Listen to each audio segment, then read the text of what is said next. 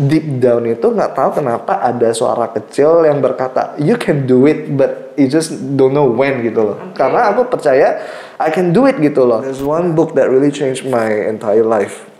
Buku The Secrets. Udah nyampe ke atas aku lihat balik lagi itu rumah yang di depan itu ternyata semuanya garasi garasi mobil.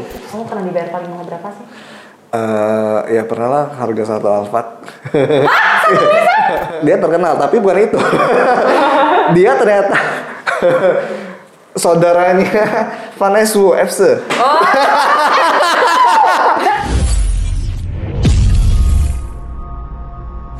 Selamat datang di Lisa Chang Show, More Than Just a Show. Mempersembahkan cerita inspiratif, edukatif, dan informatif. Diceritakan berdasarkan pengalaman dan pengetahuan dikupas secara eksklusif hanya untuk Anda.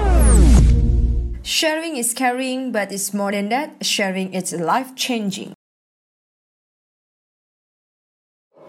Kembali lagi di Lisa Chang Show. Di episode kali ini saya kedatangan narasumber yang juga tak kalah kerennya karena kenapa?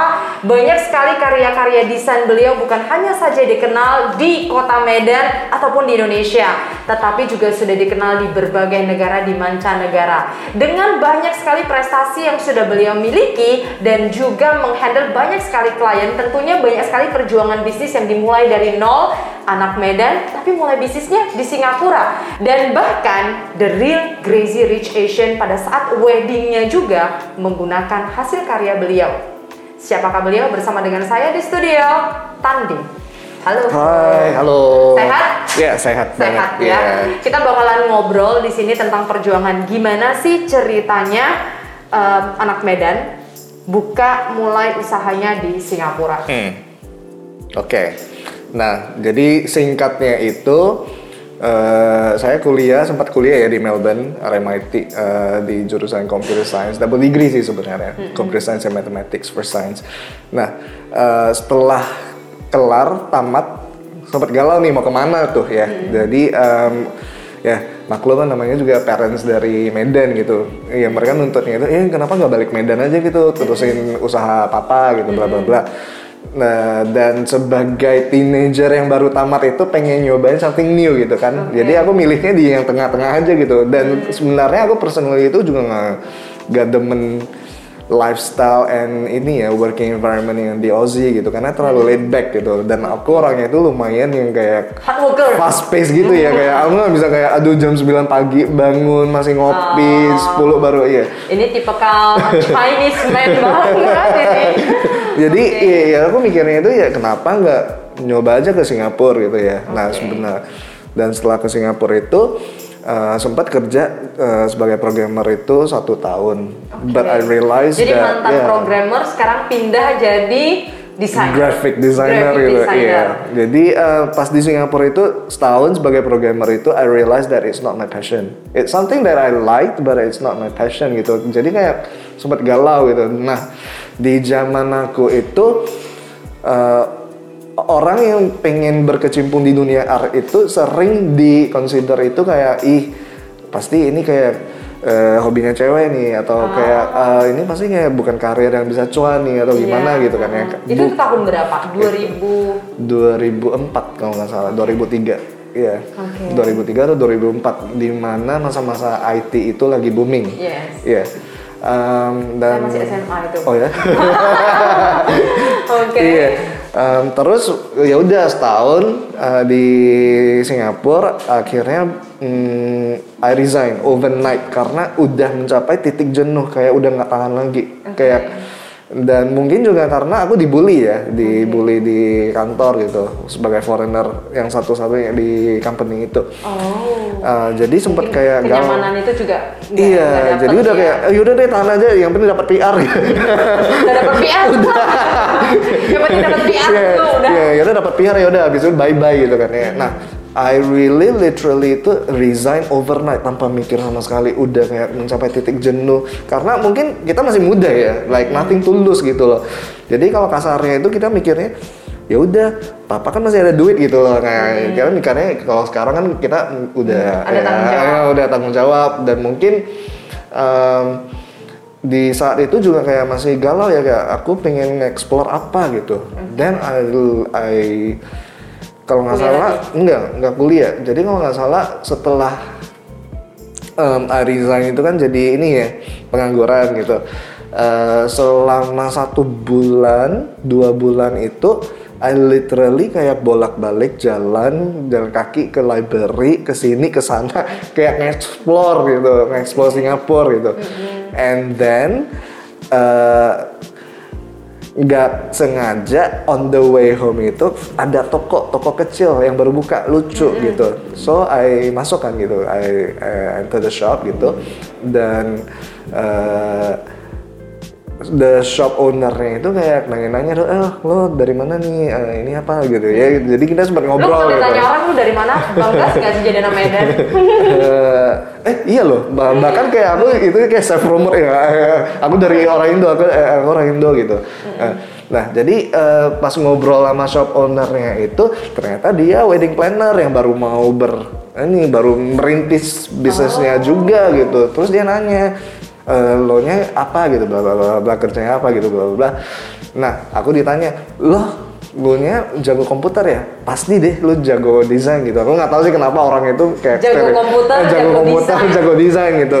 Nah aku di posisi di mana kayak ya udah deh nekat aja bohong gitu kan. Oh, so ceritanya, iya iya aku pinter padahal iya ya. iya padahal kayak emang ini ya kayak deep down itu I like art Oke. dari dulu itu I like art But you never start yet. bukan never start juga karena nggak pernah ada kesempatan untuk explore Oke. jadi you never know what kind of art art itu kan Yes. lumayan ini ya kayak bisa Iya. nyanyi acting bla bla bla Sangat luas banget. iya sangat luas and then at the same time itu mungkin juga karena ya udah deh perlu pemasukan juga ya Hmm. atau karena uh, curious juga atau gimana gitu ya udah aku bohong aja gitu ya kayak aku bilang Oh. yes I know how to design gitu ya udah kalau katanya oh ya udah ini aku ada project nih kecil-kecilan gitu katanya kamu bisa nggak ngedesain kartu undangan gitu aku Hmm. bilang yes yes yes bisa Oh god. Aku baru tahu secerita awal kartu ini. Cuman padahal nggak ngerti buat desain, ketemu orang Iya. bisa desain kartu karena Iya. itu cuan. Uh-uh. Iya kan saja. Itu memang karena di ya, orang di gitu ya. zaman di zaman aku itu ya jadi kalau kayak orang-orang sekarang itu mau dibilang desain susah lebih susah nih di zaman aku dong kayak Iya, nggak iya. ada YouTube Yes. di zaman aku itu nggak YouTube itu belum ada loh Tahun 2000. kalau nggak salah YouTube itu baru isi kontennya itu aja bu- kalau ada pun itu mungkin isinya itu masih yang kayak lucu-lucu atau gimana Iya. Masih gitu ya banyak. Kalau sekarang kan banyak konten edukasi juga. Iya, benar. Mungkin Uh-uh. dulunya itu sangat limited lah. Mm-mm. Oke. Jangankan YouTube, Google aja dulu isinya itu belum sebanyak yang sekarang gitu. Iya. Nah, eh, aku masih ingat itu dulu kebanyakan pakainya masih Yahoo, Yahoo. Hmm. Eh, jadi kalau mau belajar itu harus ke library, baca buku, Yes. minjem buku. So I literally itu kayak otodidaknya dari sana. Oh, jadi kamu ini Iya, nggak nggak belajar special graphic designer? Enggak, eh, eh, enggak. Oh, ini seperti anak datang ke kolam renang, ke kolam renang cebur sendiri, ke renang sendiri. Iya, bener. Itu nggak tenggelam ya?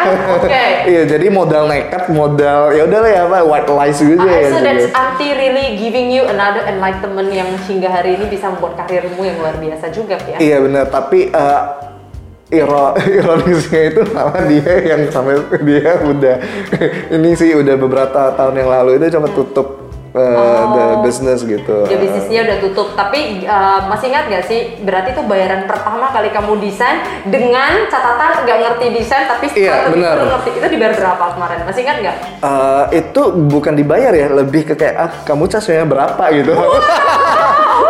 Dan itu aku Ini kayak kayak nggak punya pengalaman, aku bisa. Itu orang nggak nanya portfolio lu. Iya benar, iya nggak nggak nanya nggak nanya sama sekali. Oh. Iya, jadi cuma kayak modal conversation doang. Eh, ya udah dan gimana saya bisa tahu harga itu sebenarnya aku juga kayak nebak-nebak ini orang kira-kira kalau ngedesain itu jualnya berapa gitu karena aku nggak di industri itu kan ya Jadi eh, acuan kartu aku itu Hallmark, Hallmark Disney Card yang itu kan. Ya jualnya itu kalau nggak salah 4 dolaran, 40 ribuan gitu. Ya udah harga aku juga segitu. Itu harga desain atau satu desain gitu? Enggak, udah semuanya gitu. Jadi eh, per kartu ya. Eh. Per kartu Karena ya. dulu itu kan masih nggak ngerti kalau desain itu ada desain fee-nya, Iya, bla bla bla bla iya. bla bla, cetaknya bahan. Jadi belajar dari sana gitu. Oke. Eh. Jadi artinya memang deeply um, deep down inside your heart kamu tuh suka dunia art dan ketika kamu sudah resign dunia art ini seperti kebetulan sekali Iya. kamu berani say yes kepada let's say that auntie lah ya. Ke say yes, kamu nggak punya pengalaman ngatakan yes pulang dari itu langsung ke library belajar lagi Iya buat benar. Kalau yang tahu itu dulu ada buku yang namanya bla bla bla for dummies gitu kayak graphic design for dummies, Microsoft Word for dummies warna kuning gitu. Oke. Bukunya warna kuning. Jadi itu kayak ibaratnya buku yang really basic banget gitu. Uh, jadi aku kayak belajarnya dari sana gitu. Uh, uh. Oh, Oke, so from that auntie ada one uh, itu ris- pertama kali itu satisfied nggak sih antinya sih? Oh banget. banget ya. Surprisingly so, banget. dan momen kamu merasa kayak, hello, saya benar-benar punya art itu. Eh, mau dibilang punya art juga enggak cuma aku lebih mikirnya itu lebih ke kayak mungkin masih naif ya aku mikirnya itu ih cuan cuan cuan dapat duit dapat duit pada kala itu tidak fokus. Nggak fokusnya itu ke art gitu. Cantiknya dulu enggak? Ah, enggak, enggak. Eh, oh, sorry. Lu mau apa? langsung aja Ah, gitu. ah, iya. Oke. Dan kalau misalnya begini, kita bisa bilang ya, hal yang paling penting banget di dalam dunia pertama kali kita berani ini bukan pintarnya dulu, tapi berani memulai. Benar, karena uh, you have to start from somewhere gitu. Karena aku pernah dikasih tahu, uh, as long as you keep dreaming itu ya dream doang gitu. Uh, but once you execute your dream itu setidaknya menjadi apa ya uh, termsnya itu uh, bukan reality tapi lebih ke kayak dream yang kamu eksekusi itu bisa menjadi goal ya atau something like that gitu loh. Uh, uh. Jadi kalau katanya kalau kamu cuma berangan-angan pengen kayak gini-gini, ya udah uh, it- Just it's do just it first, gitu. Uh, gitu. uh, uh. Oke, well. Berarti sekarang udah menjadi graphic designer pada tahun 2014, Sem- eh, 2000. 2009 kalau nggak salah. 2009 Uh-uh. itu masih belum bisnis itu Belum. bisnis sendiri tapi mungkin masih kayak freelancer lah ya kita bilang Iya. freelancer dan kapan tuh mulainya ada kartu Du- ada kartunya itu kalau nggak salah 2012 tiga tahun atau empat tahun setelah aku mulai eh, baru berani kayak kayak self promote gitu ya. Oh aku ini kayak graphic designer I do this I do that gitu. Oh, berarti Eh, pertama kali itu benar-benar ngerintisnya itu adalah kerjasama dengan wedding wedding planner dulu iya ya? jadi kayak nebeng doang gitu. Oh, Oke, mereka ada nebeng, nebeng, nebeng, dan sampai sekarang masih tetap collaborate dengan semua wedding planner. Eh, kalau sekarang sih eh, malah eh, aku lebih direct itu ke klien langsung, customer gitu Oke, Eh, langsung dengan customer. Oke, kartu. Kenapa namanya kartu? kenapa namanya kartu karena eh, Tulisannya kan kartu Kartoe, kartoe ejaan lama OE. Ah, ah. Kenapa kartu itu? Karena di Singapura itu aku lumayan bangga ya kayak dicap orang Indo gitu. Eh lo orang Indo. dulu Iya. Awalnya untuk kerja jadi programmer, kamu kayak merasa dibully, Iya. kamu nggak bangga jadi orang Indo. Setelah kamu bisa mampu melakukan prestasi seperti ini, Hmm. dan you you just want to let people know that hello, this business from Indonesia. Iya, karena di zaman-zaman 2000 sekian itu eh, itu kan lagi booming orang Indo belanja di Singapura gila-gilaan kan. Jadi kayak orang Singapura itu persepsinya itu orang Indo mapan-mapan, keren-keren, financially independent, segala macam lah kaya gitu kan ya. berarti kita kita dikenal begitu banget di luar iya, ya. Iya, jadi kayak dicap sebelum ini ya sebelum kayak eh, negeri Tiongkok menyerang. Iya, jadi in- orang Indo itu kan kayak di Singapura itu lumayan dipuja-puja ya, apalagi kalau di retail gitu. Oke. Jadi eh, ya kenapa aku buatnya kartu itu karena pertama lumayan bangga sih sebagai Indonesian ya, dan aku emang sengaja milih kartu itu supaya eh, hopefully itu di Singapura bisa dapat klien-klien Indonesia gitu. Kamu di Singapura kebanyakan klien kamu ini kan saya dengar bukan dari Singapura aja, dari seluruh dunia lah saya bisa bilangnya. Memang targeted mungkin orang Asia. Mungkin boleh sharing sedikit how you can get so many client dengan hanya one base di Singapura seperti itu. Nah, em, Sebenarnya aku juga pernah struggling 2 tahun. The first two years itu like I was really struggling kayak nggak ada bisnis sama sekali. Kayak mungkin dari satu, tahun cuma dapatnya 5-7 klien doang Oke. gitu. Uh, untuk klien yang jumlahnya kayak gitu it, uh, it won't survive gitu loh. Itu kayak cukup aja buat jajan gitu ya. Bahkan jajan aja juga nggak cukup buat satu tahun gitu. Masih kayak rely on parents gitu kan, masih rely on sisa-sisa tabungan gitu. Nah, eh, karena dulu itu kan aku bukan dari ini ya background business, jadi I don't understand about marketing, sales. Karena aku kirain itu like business mistake gitu loh kayak once you have a business, people will look for you gitu loh. Kayak like kamu cuma duduk, orang datang gitu ya. Tapi ternyata realitanya bukan. There's so many things you have to do gitu. Bahkan aku juga orangnya cuek gitu. Cuek dalam arti aku nggak kayak do market research, kompetitor aku siapa, dada dada dada enggak enggak sama sekali. Like literally duduk cuma berharap orang datang gitu. Ah, Buka toko, buka pintu, people come. Iya benar gitu ya. benar. Ah, ah. Dan dulu lebih parahnya lagi aku kan nggak punya toko, cuma kayak home base gitu, Yes. model komputer gitu. Nah that's how I learn dalam dua tahun itu um, uh, sempat kayak nyari mentor orang ini orang itu bla bla bla bla bla. Kenapa? Aku juga bingung nih kenapa uh, nggak ada klien dari orang Singapura atau jangankan orang Singapura klien dari mana aja nggak ada gitu loh. Jadi kayak sempat sedih, sempat kayak down, galau. Eh sempat iya pernah pernah sempat kayak maybe this is not my career path gitu lah. Tapi deep down itu nggak tahu kenapa ada suara kecil yang berkata you can do it but you just don't know when gitu loh. Karena aku percaya I can do it gitu loh. Nah setelah adanya dilema-dilema itu kenapa nggak ada bisnis? Ada ada aku mulai hmm, bukan belajar. Lebih tepatnya itu aku mulai eh, eh, ya apa sih namanya? Kayak start to know my industry gitu loh. Oke. kayak mulai Lebih mendalami lebih mendalami iya iya graphic graphic design eh, nyari-nyari kayak graphic design itu apa Oke. gitu kerjaannya apa aja So jadi dalam dua tahun itu struggling malahan membuat kamu makin belajar lagi tentang Iya. dunia graphic designer. benar Then after that, how Dan you can got that client? Saya dengar Crazy Rich Real Asians punya ya. Terus dengar-dengar ini ada klien dari Hong Kong. Terus malahan klien Indo ada nggak sih? Klien Indo uh, recently sih ada Ada recently, ya, iya. klien Indo, Singapura, Malaysia, dan I think there are so many Iya. country dan ini yang kita tahu bahwasannya undangannya itu harganya cukup, hmm, makanya dikenal dengan luxury. Sebenarnya harganya berapa sih paling paling start start from Kalau start from itu 500 ribu per set, per kartu lah gitu. per kartu Nah, per ya? kartu start Oh, from. Kalau aku mau undang 100 orang kali dong 500 ribu. Hmm, Jadi paling murah ya. ya ampun Tuhanku.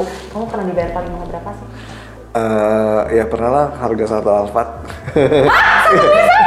Enggak, di whole project gitu. Oh, the Ah, whole ah. project satu Iya. Alphard. Tapi lumayan sih ya kayak kayak Satu apa berapa wih sekarang? hampir 1 M kali ya. 1 M ya. Iya. Hmm. Jadi eh, itu itu ceritanya em, setahun lima project tiga project udah cukup duduk enak lah ya Tapi eh, ya kalau mau dibilang ya tergantung ya. Ini kita ambisinya mau sampai ke mana ya. Kalau Yes. misalnya kita nyaman dengan keadaan sekarang ya udah gitu. Tapi kalau aku kan mungkin eh, lebih ke kayak there's so much more I wanna do gitu loh. Yes, ya kenapa yes. harus berhenti sekarang gitu? Benar, kenapa nggak lanjutin aja gitu? Oke Ah. oke saya jadi penasaran spill dong satu Alphard itu klien negara mana sih? Apakah si the real crazy rich Asian-nya? Itu orang Surabaya oh bener ya orang Indo itu really really eh, berani spend ya? Kalau dari my personal experience itu uh, yang the real apa maksudnya kayak my clients itu nggak bisa dikategorikan dengan negara gitu. Iya. karena like they Bisa really dia- appreciate your art Yes, gitu. bisa aja juga mereka menikah dengan orang luar juga. Iya dan kita juga nggak bisa melabel kayak oh orang in, orang kaya itu rata-rata dari Indo gitu. Enggak Yes. gitu. Iya jadi uh, it happens that most of my clients itu kan emang yang bisa I won't say they are rich but I would probably use the term that they are appreciative of my arts gitu they understand the value they understand the effort gitu kan ya. Jadi so mereka merasa kayak oh ya udah lo nya pantas dibayar dengan seharga gitu. Dan uh, ya my clients itu kan kayak misalnya bisa dari Qatar, Saudi Arabia, New York, uh, ya Australia ada uh, yang paling jauh kemarin itu yang sampai nggak pernah dengar nama tempatnya. Uh, Seychelles. Shisha. Uh, I also never Seychelles. part of Europe. Enggak sih dia kayak pulau kecil gitu, kayak Bora-Bora. Okay, well, back then again, so how they know you? Nah. Is it mouth to mouth or just pure the power of technology? I think it's all ini kayak marketing bisnis itu sebenarnya kayak racikan ramuan of every single thing gitu. Yes. Jadi nggak bisa cuma kayak uh, modal nekat, nggak bisa juga modal luck, nggak Iya. bisa juga modal artnya doang bagus. But there's so many different things gitu loh. Nah, jadi balik lagi yang kedua tahun yang aku belajar tadi, uh, I found out that um, Oh itu nggak sengaja kalau nggak salah Google Map itu baru launching. Jadi kan kayak main-main map gitu kan, main-main scroll scroll scroll itu aku realize Singapura itu cuma satu dot di peta. kayak pas di scroll itu satu dot dari sana itu is like a wake up call gitu loh. Kayak bayangkan satu dot itu aja bisa represent mungkin 2-3 juta orang maybe ya ala ya because I don't know jadi kayak bayangkan Singapura aja kalau cuma satu dot kecil itu bisa 2-3 juta orang bayangkan itu berapa dot satu bumi itu Iya. loh dan dari sana itu kayak wake up call kenapa aku harus fokusnya itu ke satu dot doang kenapa nggak yang lain-lain Oke. I don't believe kayak di luar sana itu nggak ada orang yang mau beli gitu loh Yes. That's when I learn Google Ads, Facebook Ads, mulai belajar marketing, Hmm. Digital Mulai- ya, marketingnya. digital marketing buat website. Eh, dulu kan masih zamannya Friendster. Ayo, Ayo, kebocor. Kalau Friendster itu udah pakai nickname nickname-nya. Oke. Ya, zaman zamannya Friendster kalau nggak salah, Facebook itu juga belum se-advance Yes, hari ini. sekarang. Iya, belum ada Facebook Ads ya, masih eh, Google Ads kalau dulu. Jadi main-mainnya di sana digital marketing dan there's one book that really changed my entire life. Buku The Secrets. Itu kan tentang law of attraction. Yes, law attraction. Ya. So I literally setelah baca itu kan kayak wah kayak motivated banget ya. Jadi kayak beli bot di ini kan di Beneran lu lakuin? ya ya udah beneran aku lakuin dan ada dua yang aku ingat ya so far ya ada dua itu yang yang aku cocol di bot itu it became reality gitu. Oh, But oke pertama aku pengen banget punya kantor di Orchard Road And then karena di Singapura itu Orchard itu kan kayak lokasi prestige yang banget, iya prestige prestige. dan rentalnya itu lumayan mahal mahal banget.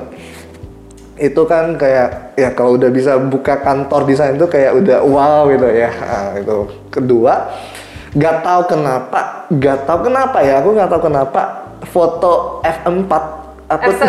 ya F-se.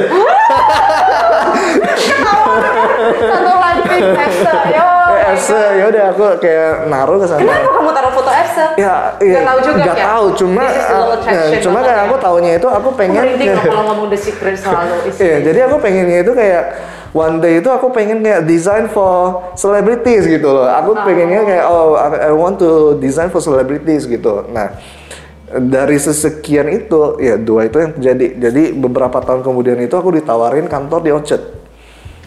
Dan persis di seber eh, di seber di, di sebelah ya, ya di sebelahnya butik Hermes. Oke. Bayangkan Karto itu kayak di sebelahnya Ermi gitu kan. Yes. Nah, itu kayak it's one bahkan pas aku dapet dapet kantornya itu aku masih kayak nggak kepikiran soal mood eh, visual board itu ya kayak after so so many years itu baru realize eh iya iya it happened gitu loh. Oh. Dan setelah pindah ke sana itu nah aku cerita bentar ya. Nah, Iya, iya, jadi eh, setelah aku punya kartu oh, yang official ya, bukan yang wedding planner itu setelah aku punya baru pindah, baru pindah ke kantor, baru baru pindah ke Orchard itu terus suatu hari itu ada tante yang walk pass gitu. Dia kayak cuma iseng jalan doang dan jadi pakainya itu kayak singlet. Lumayan lancai sih dia pakainya. Itu pakai pakaiannya itu kayak rambutnya lumayan berantakan gitu. Terus dia masuk gitu. Dia nanya ini toko apa sih? gitu. Aku juga baru pindahan sih soalnya kan. Terus aku bilang oh ya ini kira eh, awalnya sih sebenarnya kartu itu aku mm, pengennya itu graphic design house gitu. Jadi nggak kayak spesifik ke wedding gitu Iya. kan ya. Nah jadi aku ngomongnya itu ya ini graphic design lah gitu for wedding juga bisa gitu bla bla bla. Nah mungkin keywordnya dapat ide deh oh wedding gitu. Terus katanya oh anaknya mau mau merit gitu. Ya udah katanya eh, ini eh, kamu bisa kan kayak ngedesain souvenir, ngedesain kartu undangan, bla bla bla bla bla. Ya aku bilangnya bisa gitu. Emang kan udah ya anggap aja deh dua tahun yang kemarin itu pengalaman gitu. udah pede gitu kan ya ceritanya. Ya udah mulai jualan. Ya udah katanya oh dada dada oke ya udah. Nah eh, bahkan ya anehnya itu kenapa dia masuk itu dia nggak minta lihat portfolio sama sekali. Uh. Nggak kayak cuma Ini kan ini toko apa sih? Terus aku mau buat ini, Iya, buatin iya, gitu. iya. Oh. bahkan kayak kartu apa aja itu contohnya itu nggak ada loh. Kayak beneran nggak ada. Karena masih pindahan kan masih barangnya di kotak-kotak gitu. Dan dia cuma kayak lagi buru-buru gitu kan. Ya oh ya udah eh, eh, itu eh, dia katanya oh ya udah eh, besok aku bayar DP gitu ya. Tapi aku bayarnya pakai cek gitu. Ya udah aku disuruh ngambil ceknya itu di rumahnya gitu. Nah dia klien pertama dari kartu gitu official. Nah pas akun ke rumahnya itu terus ada gede rumahnya gede banget gitu. Langsung kayak ini orang siapa?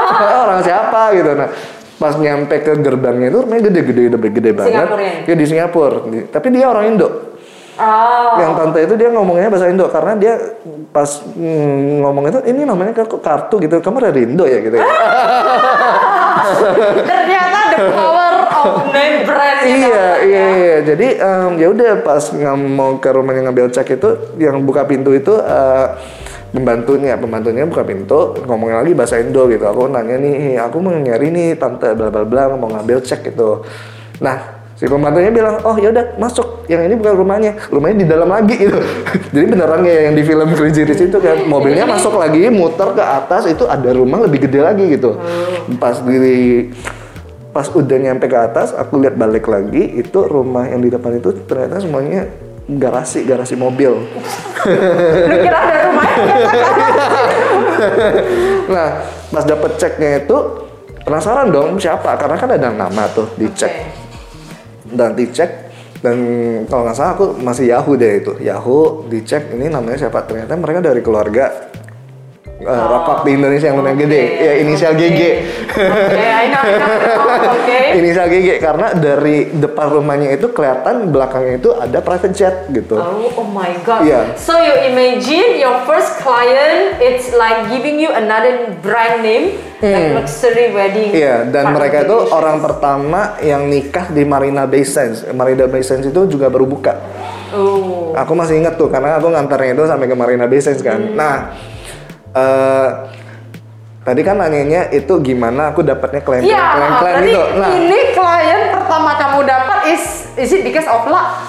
Ya I think luck iya, attraction. iya law of attraction, luck tapi juga perlu effort ya. Like Iya. it's all your hard work karena kalau kita bekalnya cuma luck, barangnya sosok, servingnya sosok, Benar. it just stops there. Benar. Udah, that's Ya, all you get Karena gitu. kalau dia Ah. udah percayain kamu, kamu nggak giving your best effort, dan nggak akan having the second client, the third client, Iya, and so on. dan itu juga karena bukan dia siapa-siapa ya, karena emang like I realize that it's fun gitu, like kenapa aku nggak desain aja lah, I- bukan karena statusnya siapa gitu. Because karena dia datang pun buru-buru dengan pakaian orang biasa. Ah, ah, ah.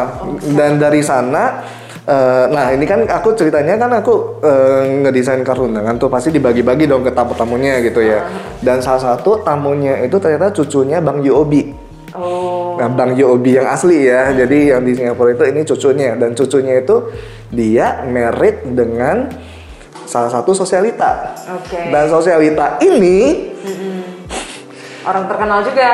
dia terkenal tapi bukan itu. dia ternyata saudaranya Vanessa FC. Oh. Dan kamu? Iya, benar. Oh. Iya, lucu kan ya. Nah, ini ah, biasa ya. dan ternyata dia saudaranya itu Vanessa FC gitu loh. Hmm. Ah, jadi pas Vanessa itu ya udah ketemu gitu dari sana Vanessa aku dikenalin lagi ke temen-temennya gitu. Oke. Mm, jadi kayak domino effect. Dan domino effect ini terus berjalan hingga Hmm. like we can say today, tapi tak dipungkiri juga uh, pasti effortnya kamu dong di setiap Hmm. hasil desainnya. jujur sih, kamu waktu kan waktu kamu kirimin cek, aku penasaran jadinya begini. Kamu ada burden nggak sih? Pertama kali kan gini, aku baru buka. Si klien ini langsung biasanya setelah aku kirimin uh, dia mau bayar DP. Benar, benar, benar. Di mana kamu belum belum desain nih, terus sampai ke rumahnya. Ya ampun Tuhan, ini kalau desainnya salah bisa caukio juga. Ya pasti takut itu ada. Ada. Dan kenapa dari ketakutan itu sometimes orang bilang itu kan kayak eh, pas kamu udah mepet udah desperate itu pasti You- ada aja deh kayak bisa. solusinya itu Ya, ya, ya, kayak ada aja.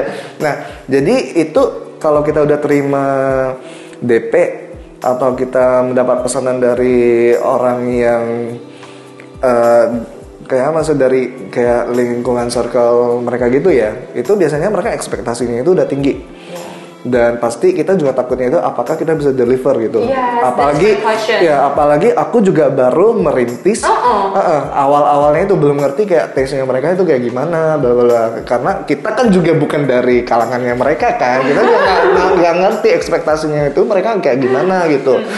Apa sih definisi luxury bagi mereka gitu? Jadi dari sana itu aku belajar. Belajar itu dengan cara Google. Google kayak nyontek lah gitu kayak eh, keywordnya itu luxury wedding card yang di luar-luar itu kayak gimana kayak apa sih definisi luxury card di mata orang lain gitu. Nah ketemu ada website dari New York namanya Sesi gitu. Oh, that's you inspire Iya, pas aku lihat itu kayak mind blowing banget. Aku nggak pernah kayak sampai kayak liatnya itu kayak eye gasm banget loh gitu. Kayak kayak it's like ketemu harta harta karun gitu. Kayak pas aku ke websitenya itu kayak berjam-jam liatnya itu sampai kayak kebayang-kebayang gitu. Kayak aduh pengen banget kayak one day itu kayak kayak sisi New York gitu kan. Eh, bahkan aku sampai baca interviewnya itu tuh dia kayak eh, ngerjain eh, apa eh, kartun dengan selebritis kayak kayaknya West gitu-gitu kan segala macem gitu. Kayak it's really something yang nggak pernah aku lihat gitu. Biasanya kan kalau mewah cantik itu di apalagi kalau kartu undangan itu biasanya kan kayak kayak emas emas ada a lot of flowers apa gitu but this is another level gitu loh Iya. kayak ada kayak kesan artistiknya gitu jadi itu kayak membawa aku itu kebayang-bayang bertahun-tahun gitu Oke. kayak kapan sih aku bisa kayak gitu kapan sih kayak bisa kayak gitu Nah, kan dengar-dengar kan kalau sesi itu kan memang um, kalau di dunia kita bisa bilang she's the number one for the wedding card invitation yang luxury card benar ya. uh-uh. Kamu number two katanya ya. Hmm, ya itu menurut itu menurut Fox ya. Menurut Oke, menurut Fox bahwasannya kamu itu adalah is number two. Jadi Uh. kita bisa melihat ya teman-teman yang mungkin kamu ini sangat hobi juga di bidang art. So never feel like di dunia art itu nggak bisa karirnya panjang ataupun Iya. karirnya luar biasa. Kita bisa menilai apa yang dari cerita sederhana ya kita bisa mempelajari. Kalaupun kita hari ini memiliki sebuah talenta, tapi kita nggak pernah explore talenta kita nggak pernah menggali, maka talenta tersebut ya jadi nggak punya arti di dalam hidup kamu. Yang diceritakan oleh Ko Tandi yang bisa membuat beliau menjadi hari ini because he find out that the potential thing yang ada di dirinya dan dilakukan perencanaan yang luar biasa dan tentunya effort. Effort inilah yang membuat beliau bisa menjadi hari ini. Next, aku pengen bertanya kayak Hmm. gini. Selama perjalanan ini ketemu klien, oke, let's say klien tadi pasti happy dong, makanya Hmm. customer dia langsung domino effect-nya terjadi. Kalau kita bilang klien yang paling membuat kamu itu happy pasti ada. Pernah nggak kejadian? Klien nggak bayar, klien marah-marah. Di mana kamu udah dikenal orang loh, karena kartu ini kan tadi itu itu orang kan first klien kamu dan nama kamu Hmm. mulai melejit, ya benar mulai melejit melejit gitu. Pernah nggak sih ketemu klien yang begitu dan ada how you ada manage it? and then uh, manage-nya itu ya kita cuma bisa kecewa gitu ya kecewa dengan diri sendiri tapi bukan berarti we just stop there and then kayak ya udah uh, berlarut-larut gitu Berarti mikirin tetap iya. ada juga. Iya, ada ada, tapi malah itu menjadi wake up call. Ini salah ini di mana nih? Pasti ada sistemnya yang salah nih. Jadi kita belajar dari sana. Jadi menjadi pelajaran yang mahal gitu kan ya. pelajaran yang mahal gitu. Nah, dari sana itu aku mulai ganti nih sistem pembayaran aku, mulai lagi mengaji ulang isi-isi kontraknya bla bla bla bla bla. Karena kalau gak ada kejadian itu kita juga nggak bak- nggak bakalan nge-review Yes. ini ya mungkin kita udah merasa oh everything is perfect sistemnya Yes. udah ini ya, Oke. udah So this is the way that how we can learn segala hal yang terjadi buruk di dalam bisnis kita bukan dilihat dari sisi buruknya Hmm, aja. Justru itu menjadi momen kita mengevaluasi Hmm. diri dan menjadi batu loncatan untuk go higher, right? Dan sampai sekarang kantor masih di Singapura pusat. Iya, masih, iya. Dan sekarang udah ada di Medan. Dan juga ada di KL. Oh, ada di KL juga Hmm. gitu. Jadi KL punya kantor, Singapura punya kantor, Medan punya kantor. Ya, tapi desainnya itu di Medan sekarang. Studionya itu lebih ke Medan. Jadi, Jadi- kalau yang di KL sama Singapura itu lebih ke meeting. Tim kamu fokus semuanya orang Medan dong. Hmm. Ya, proud to become Medanis, oke? Ternyata orang Medan punya talenta-talenta luar biasa Iya, ya. benar. Oke, kalau selama perpanjang eh, pelaj- apa perpanjangan pula, selama perjalanan karir kamu, siapa orang yang paling berjasa menurutmu? Yang membuat kamu bisa menjadi today? Hmm, One person. one person. Yang kamu merasa, ya, because of him or her that you can be today. Um, bukannya menyombongkan diri ya, but I can only think of myself gitu. But Ka- maybe karena ya kenapa aku ngomongnya begitu? Eh, karena like the hard truth is the reality ya. Karena mungkin um, aku milihnya itu karir yang mungkin it's a little bit unusual, bukan karir yang kayak yang didambang-dambangkan orang, bukan karir yang dipuja-puja orang tua gitu kan ya. Jadi I was literally itu kayak alone gitu. Pas aku lagi punya masalah 2 tahun struggling itu, semua orang itu bilang, udah deh, lupain aja. Ini nggak nggak bisa. there is no one support you at that moment. nggak ada. Bahkan orang tua itu udah ngapain lu kayak gitu, ngapain eh, balik aja kerja gitu. Like even my closest friends, like semuanya deh 100% nggak ada satupun yang kayak ini pasti bisa ya udah nggak apa-apa lu stay strong nggak ada jadi Oke. semuanya itu kayak oh gila ya jual kartu 50.000 ribu dulu 50.000 ribu aja aku dibilang mahal loh Oh, sekarang pecek. Oke, oh, ya, oke. karena mereka ngebandinginnya itu di Medan itu kan standarnya mungkin kayak sepuluh ribu, lima belas ribu, Iya, katanya iya. lima ribu goceng pun ada gitu. Iya, ah. ah. Jadi karena lu mau jual lima puluh ribu, lu gila ya gitu ya. Oke. Like I say I was crazy, but deep down itu aku ngerti, aku tahu ya. Like I don't know how, but I just know that I know one day bisa. Cuma aku nggak tahu kenapa. Uh, when gitu loh. Oke, so, Karena aku menjadi lebih eh, ya mau dibilang eh, delusional juga enggak sih tapi lebih ke kayak setelah aku lihat sesi itu dia aja bisa kenapa aku nggak bisa gitu loh ya kan Kalau orang kalau orang yang kita melihat dari orang yang udah berhasil, pastinya Uh-uh. juga kita bisa. Oke, berarti kita bisa bilang orang yang paling berjasa adalah teman-temanmu dan keluargamu. Hmm, oke. Karena kenapa? Karena mereka lah yang justru tidak memberikan dukungan, itulah yang membuat kamu makin penasaran. iya benar Kok semua pada bilang nggak bisa sih? Uh-uh. Let me prove to you that it's can gitu. Uh-uh. So sekarang setelah sudah bisa, they just like ya like mm, mereka lumayan inilah kayak kalau kalau dulu itu kayak sempat ditanya eh anak lo kerja apa sih mereka masih kayak oh, eh, masih malu sih kayak mau bilang kayak oh dia ngedesain kartu undangan gitu Oke, tapi kalau sekarang udah Ah. udah bisa kita bilang uh, udah dikenal banget dan orang-orang juga merasa kayak ini orang memang deserve for this, right? Hmm, hopefully, hopefully. Oke. Well, setelah kita tahu bahwasannya orang yang berjasa walaupun pada kala itu uh, mungkin keluarga dan juga teman-teman bukan bukan menyepelekan apa yang kamu ada, tapi mereka cuman kayak bertanya-tanya apa sih kamu cari? Udah loh, kalau ada yang sesuatu yang lebih pasti di depan, kenapa kamu cari yang lain? Hmm. Dari hal ini kita bisa mempelajari dari ceritanya Ko Tandi bahwasannya somehow yang dikatakan vision something that you can see another people cannot see. Dan ini adalah visi yang dilihat oleh Ko Tandi bagaimana melihat kartu di masa depannya dan ya memang Akasi bisa menjadi masuk ke di dunia itu khusus di Asia. I think you are number one and the only one is you. I don't know, nggak tahu sih Karena mereka aku lagi mencari dan aku nggak dapat. Iya. Correct me if I'm wrong kalau ada Iya, orang iya. yang modal seperti ini. Oke. Kok kalau hari ini yang mendengarkan mereka juga adalah orang yang pengen belajar untuk eh, mereka juga suka art seperti kamu, Hmm. tapi mereka galau karena Oke. Hmm, nobody support them. They want to do this as a business. Bisa nggak dijadi- dijadikan karir? Nah, awalnya aku juga sempat ragu ya, sempat ragu, ragu banget apalagi kayak bisikan dari samping orang yang di samping itu ya. Nah, bahkan di Singapura itu sempat kayak aku research di Singapura itu yang ngejual, yang I notice ya, orang yang jual kartu undangan itu kebanyakan home base.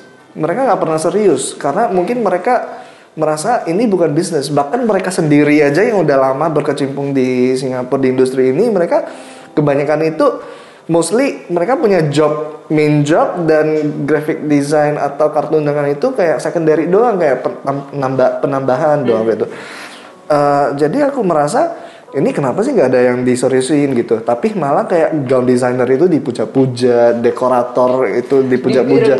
Iya bahkan mobilnya aja sampai kayak BMW Mercedes. Tapi kenapa yang kayak gini-gini itu nggak ada gitu loh. Kenapa nggak bisa gitu? So um, dari sana aku belajar gitu. Eh, awalnya mungkin charge-nya aku segitu. Habis itu aku ngecek lagi dong kayak aku sempat kayak buat fake email account aku email ke sesi.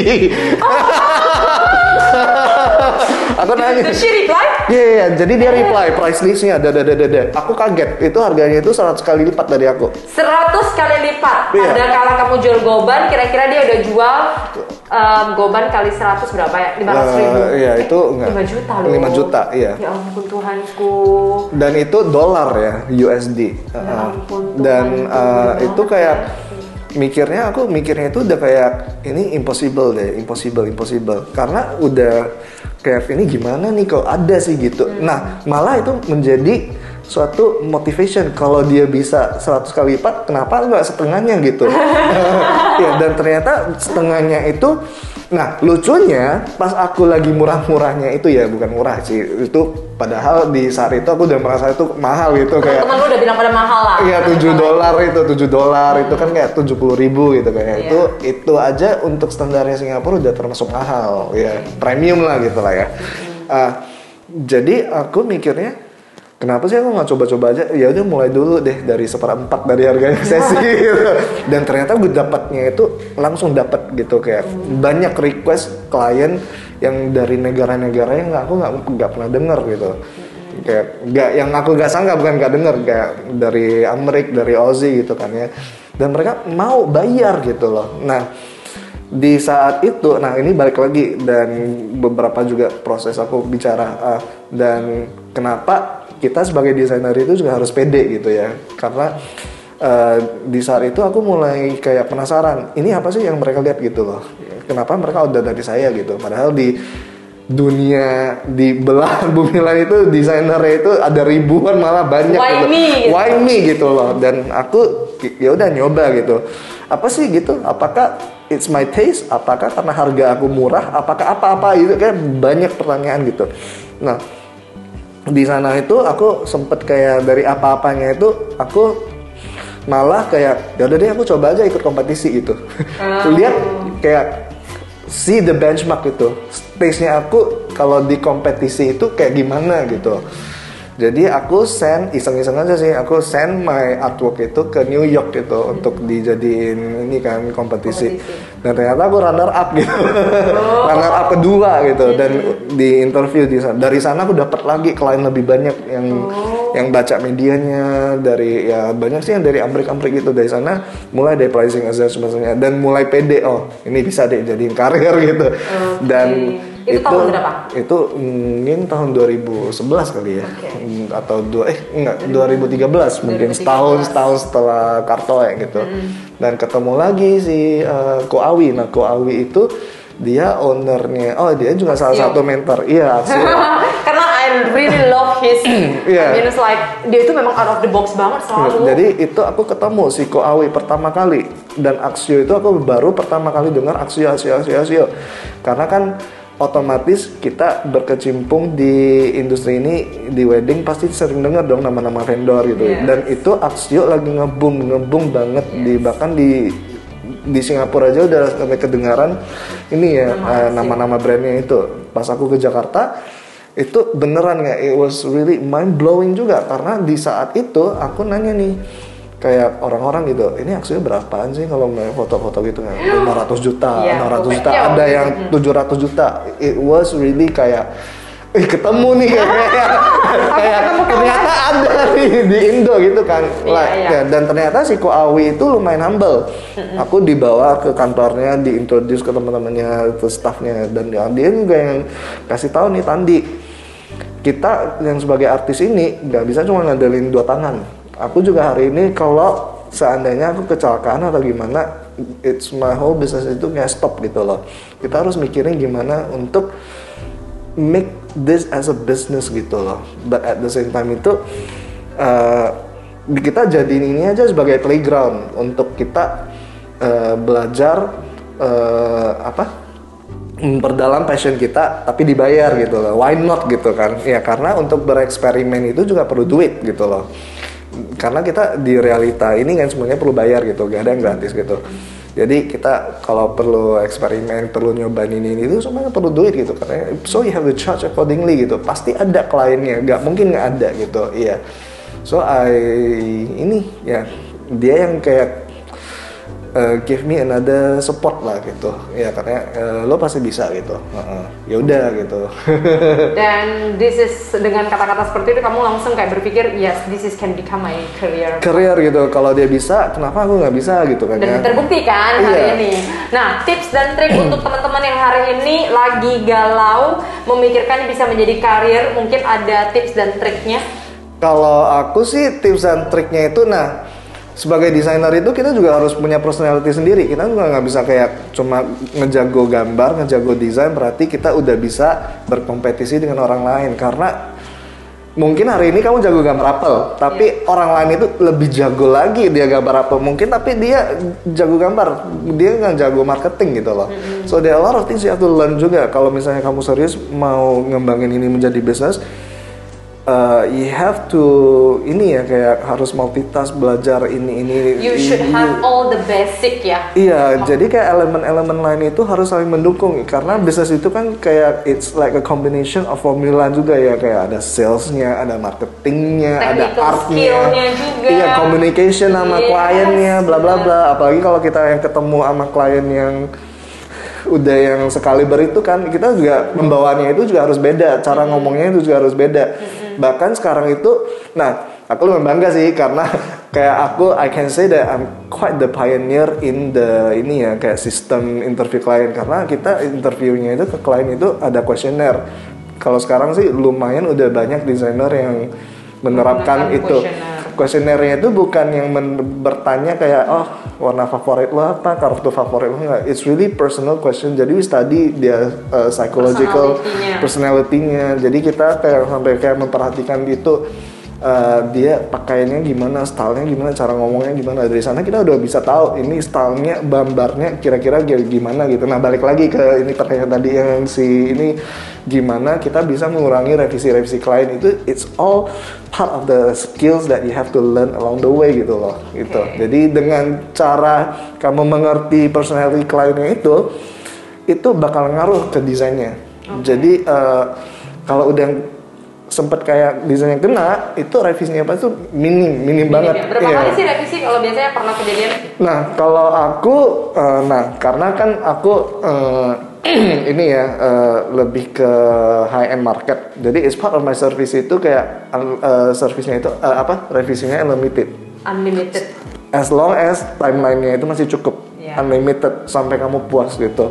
But so far sih kayak nggak pernah sih ada yang makan Mereka sampai unlimited. sampai unlimited Iya, ya. mm, bener. Iya, Oke. karena mereka tipe yang kayak Andi, ya udah ini budget gua, aku sore, iya, I, I, I trust don't you gitu. don't make me headache you go to it Iya, iya, kalau kalau nggak usah meeting ya udah nggak usah meeting gitu. Iya, ya. iya, iya. Don't make me headache how much I pay then you make it Iya, okay something guys. like that gitu loh. They really trust gitu. Yes, Uh, It's a trust. Oke, well, so tips dan trik ini bagi teman-teman yang mau menggunakan graphic designer ini bisa menjadi sebuah bisnis, bisa-bisa aja, tapi back then again, um, somehow sebagai profession sama sebagai bisnis pasti akan ada adalah dua different spot yang sangat besar sekali. Jadi saran dari Ko Tandi, so simple is it. Kalau Anda benar-benar mau membangun sebagai bisnis, you need to have all the basic skill. Kamu at least kalau mau jadi entrepreneur, kamu juga harus ada marketing skillnya, basic lah ya. Ada basic communication skill, kamu punya basic um, comuni- apa ya, communication, marketing, technical skill. Bahkan you need to have the financial skill basic. You need to have the technology skill basic. Ini ada, aku baru baca buku kemarin, ada tujuh basic ini. Jadi saya me- menyambungkan gitu kan. Iya. Jadi ada basic-basic yang aku baca buku nonton video dari video terbaru yang saya tonton kan ada tujuh basic ini yang benar-benar sangat mungkin udah dijelaskan sama aku Hmm. Tadi jadi at least kalau anda mau mulai usaha jangan dasarnya pun nggak ngerti Ketika dasarnya kamu nggak ngerti, nanti terakhirnya it's too tough. Kalau kamu melihat dari cerita Kotandi, dia pernah naik turun. Kalau anda nggak perlu naik turun, naik terus, kenapa harus turun? That is the question, Iya. right? Oke, satu kalimat motivasi untuk teman-teman yang sedang mendengarkan. Uh, Oke, as a designer itu I believe ya you have to think out of the box. Mungkin ini klise ya kayak everyone thinks ya ah, out of the box. Eh ya udah I heard it so many times gitu ya. But di posisi saya itu think out of the box itu sangat penting loh karena like people wanna pay for you karena kamu beda. Kamu beda gitu bukan karena kamu lebih murah. Kamu gak mau dicari karena kamu lebih murah gitu loh. Value-nya. Value, bener. Iya, jadi think out of the box itu coba deh kamu dalamin praktek gimana supaya kamu itu bisa out of the box gitu. Karena misalnya dari satu kampus aja ya, satu kelas 40 orang graphic designer itu kalau keluar itu sebenarnya kompetitor kamu loh. Gimana kalau kamu semuanya itu kita mikirnya mindsetnya masih sama itu how can you be unique? Kenapa 40 orang ini aku harus milih kamu gitu loh. Why you? Why you? Kenapa gak teman-teman lo gitu? Oke, Ah, dengan iya. begitu kamu memiliki pricing strategi yang juga uh, Iya, benar, iya. selling point kamu, USP kamu, unique selling point-nya dapat Iya. dengan value-nya. It doesn't mean that your art has to be the best gitu. It's just like itu balik lagi ya ke combination of all the skills yang di, Skill. iya. Kayak misalnya gue nanya nih, misalnya ada brand yang namanya itu tuh Supreme. Bagusnya di mana? Desainnya mana? Bener gak? Iya, kayak iya. Supreme. Kenapa itu bisa menjadi hype gitu loh? Kayak Yes. orang bayar kayak berapa juta gitu, like gitu. Supreme bangga gitu. Padahal tulisannya cuma Supreme gitu. Why gitu loh? Uh-uh. Well, so thank you so much Yep. Ko Tandi for your time sharing Thank you, thank bersama you. dengan teman-teman. Semoga ini bermanfaat untuk teman-teman semuanya. Oke, baik untuk teman-teman saya bisa menyimpulkan dari cerita kita bersama dengan Ko Tandi. Kesimpulannya beliau mengingatkan kepada Anda apa pun yang saat ini Anda kerjakan especially di dalam bidang art, remember you need to think out of the box. Then why people pay you, why people choose you. That's why you need to dig down on what is the value of your own business, the value of the design that you made itself. Semoga cerita ini bermanfaat. Jika Anda merasakan cerita dari kami berdua ini bermanfaat, silakan untuk like, comment, and subscribe. Bisa dengarkan juga cerita ini di Google Podcast dan juga di Spotify. Anda pengen dengar cerita apa lagi dan bisnis di bidang industri apa lagi? Boleh share dengan saya. Sampai jumpa di next episode. Lisa Chang Show, more than a sharing. See you.